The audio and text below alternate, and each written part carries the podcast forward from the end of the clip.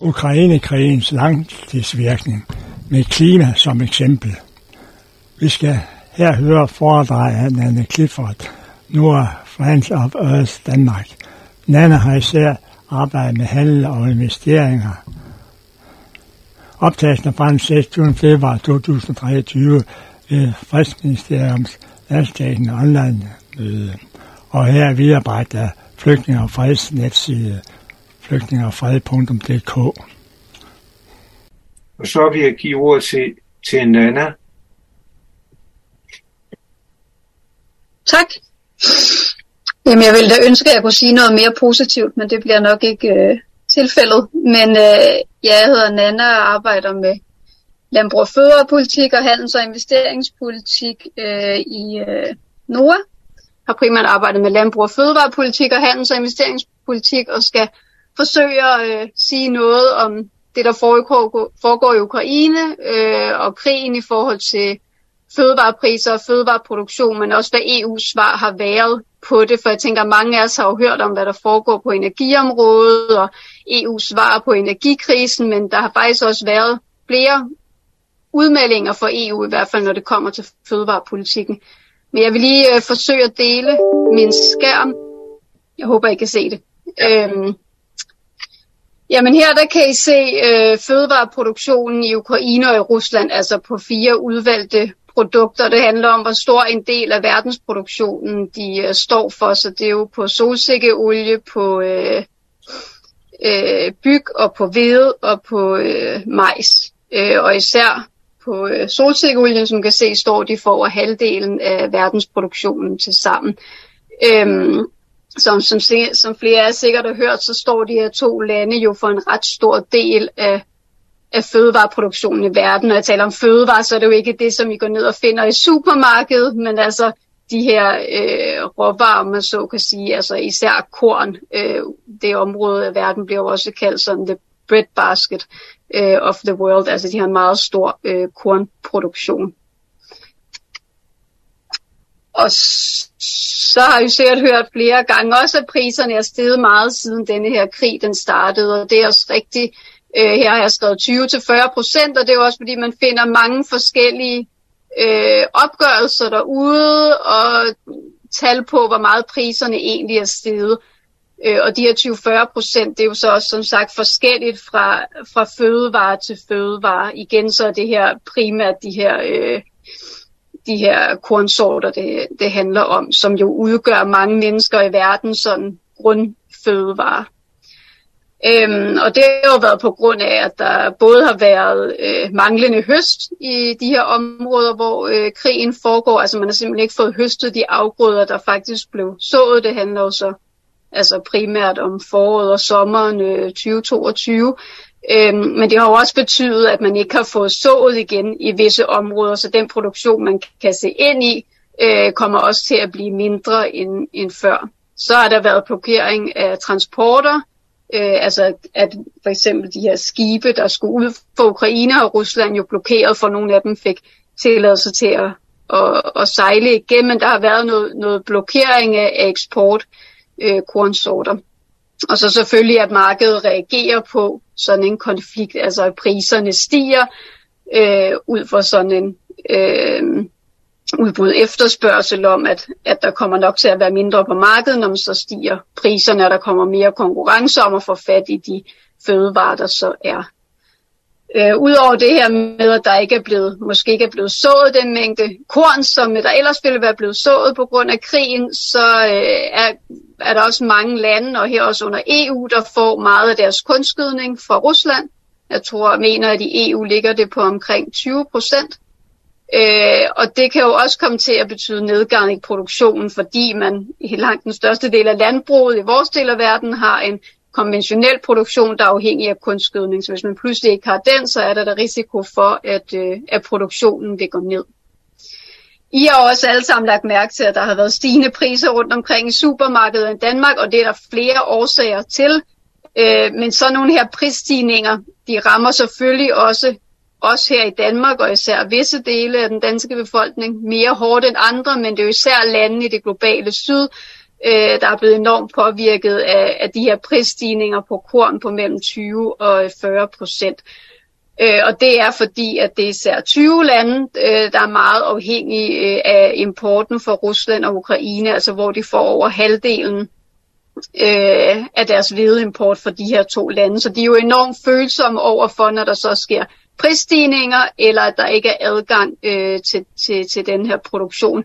Og de kan måske ikke lige de her 20 lande primært i, i det globale syd, de kan ikke lige substituere det med et andet produkt fra et andet sted, eller selv begynde at producere det. Øh, så de bliver enormt hårdt ramt, samtidig med, at mange af de mennesker i de her lande bruger en stor del af deres indkomst på fødevare allerede, så der betyder en 20, 30, 40 procent stigning rigtig, rigtig meget, så har man måske ikke råd til øh, at købe sine øh, kornsorter længere. Så ret hurtigt inde i, i denne her konflikt og krig blev der også talt om, om nu må man skrue op for fødevareproduktion. Hvis vi skal brødføde verdens befolkning, så bliver vi nødt til at producere noget mere mad, blandt andet i EU, sådan at vi kan eksportere til de her lande, der nu bliver hårdt ramt. Øhm, så derfor der var EU's landbrugskommissær, øh, jeg vil ikke forsøge på at udtale hans navn, men øh, han var ude og sige, at øh, if food security is in danger, then we need to have another look at the objectives of the farm to fork strategy and correct them. Farm to Fork-strategien eller jord-til-bord-strategien, det er en del af, af EU's Green Deal, øh, som ligesom frem mod 2050 i alle mulige forskellige retninger med forskellige papirer og politikforslag skal forsøge at, øh, at gøre EU bæredygtigt. Øh, en del af det er så den her jord-til-bord-strategi, hvor vi faktisk har nogle progressive landbrugspolitikker, Ellers er det jo EU's fælles landbrugspolitik, der i høj grad styrer øh, landbrugspolitikken og produktionen i EU, og den er ikke særlig progressiv. Det vil jeg ikke komme så meget ind på her, men i jord-til-bord-strategien eller farm-to-fork, der har vi faktisk nogle progressive tiltag, eller i hvert fald mere progressivt, end vi finder i mange andre EU's politikker og medlemslandenes politikker. Og det handler om at reducere brugen af pesticider og næringsstoffer, og reducere brugen af kunstgødning og opnå 25% økologisk landbrug i EU som helhed. Øhm, det vil være rigtig godt for miljøet, det vil være rigtig godt for klimaet, øhm, at producere mere på denne her måde. Men det er jo det, som landbrugskommissæren er ude og stille spørgsmålstegn ved. Øh, han var ude og sige, at han vil gerne kigge på alle de her målsætninger og sige, at måske skal vi slet ikke det, fordi vi skal til at pløje noget mere jord op i EU, vi skal til at producere noget mere på den måde, vi kender, på den meget industrialiserede måde med mange pesticider og meget kunstgødning, så vi kan producere noget mere mad. Øhm, og det var vi selvfølgelig sammen med en masse andre organisationer ude og sige, at det synes vi var øh, en rigtig dårlig idé, øh, at den tilgang vil faktisk, i stedet for at løse øh, fødevarekrisen, så vil den faktisk forvære den. Og det handler jo om, at man vil videreføre øh, et fødevaresystem og en fødevareproduktion, som er meget afhængig af fossil energi og kunstgødning, som endda kommer fra Rusland, som man faktisk går endnu dybere ned ad den vej, som man nu sidder i en kattepine omkring, om det handler om kunstgødning eller om det handler om gas og olie. Øhm, I stedet for faktisk at følge nogle af de øh, mål, som Farm to Fork-strategien ligger op til, om faktisk at forfølge en anden og mere bæredygtig vej, når det handler om landbrugsproduktion. Ja, derudover så vil man jo sige, at man vil udvide mere landbrugsjord, øh, som jo i høj grad vil forvære de miljøkriser, der i høj grad påvirker fødevaresikkerheden. Altså øh, det landbrug, man har i dag, har jo store konsekvenser for klimaet, men også for biodiversiteten. Og det er især de her to faktorer, der på lang sigt overhovedet kommer til at bestemme, hvis der ikke kommer en atomkrig selvfølgelig, om vi overhovedet kan producere fødevarer i fremtiden. Så igen, det er meget, meget kortsigtet, når man lader os producere nogle flere fødevarer næste år, men samtidig så ødelægger man grundlaget for at kunne gøre det på særlig øh, lang sigt. Og så bruger man også, mener jeg, krigen øh, som undskyldning for også at eksportere de her løsninger. Når nu der er 20-50 lande i det globale syd, som bliver hårdt ramt, fordi de ikke kan importere fra Ukraine og fra Rusland, når de skal nok have endnu mere af denne her industrialiserede fødevareproduktion, men også øge deres import i endnu højere grad, selvom det er det, der har vist sig at være så følsomt. Øhm, og derudover så, øh, så løser det slet ikke den egentlige krise. Øhm, og det handler om, at vi har faktisk ikke en fødevarekrise, i hvert fald ikke en krise, der handler om, om der er mad nok, men vi har en priskrise, og vi har en krise, der handler om distribution af mad øh, og om adgang til mad. Hvis man kigger sådan på, hvor mange kalorier, der bliver produceret i hele verden, øh, så bliver der produceret cirka 50% flere, end der er brug for. Så der er sådan set kalorier nok på verdensplan, men der går rigtig, rigtig mange spild i øh, den animalske produktion, og så går der rigtig meget spild i den måde, vi, vi, vi distribuerer vores øh, mad på, øh, fordi at fødevaresystemet i vores del af verden øh, er meget import-eksport baseret. Øhm, og nu ved jeg ikke, når det er så småt, kan I se denne her graf her? Øh, men den viser, hvordan øh, fødevarepriserne har udviklet sig, hvis man går øh, et par årtier tilbage. Øhm, og de to nederste, det handler om, hvor meget der bliver produceret, øh, og det handler om, hvor meget der er på lager. Øh, og de to andre, den grønne og den gule, det er priser. Og de to følger jo ikke hinanden. Så man kan jo faktisk se her, at fødevarepriserne ikke korresponderer til sådan en markedslogik omkring udbud og efterspørgsel. Øhm, og man kan også se, at de stigende priser, som vi ser i dag, de startede allerede tilbage i 2019-2020.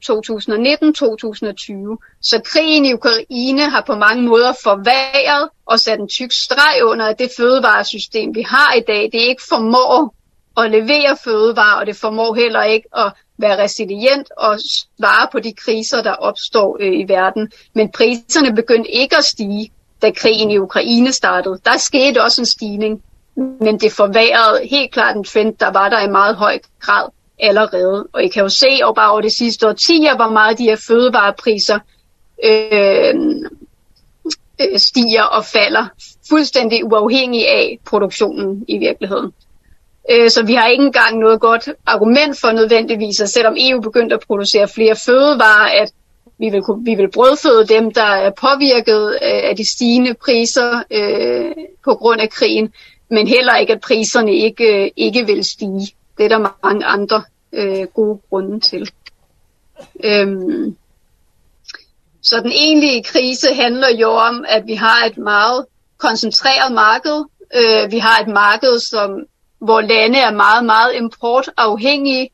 Øh, altså det her med, at lande i det, flere lande i det globale syd, som for 20, 30, 40 år siden kunne brødføde sig selv, de har været igennem en masse liberaliseringer, øh, og har åbnet deres fødevaremarked, som gør, at de i dag ikke kan brødføde deres egen befolkning, men i stedet for er afhængige af i høj grad import af korn fra Rusland og Ukraine. Og det gør dem jo enormt følsomme i sådan en her situation.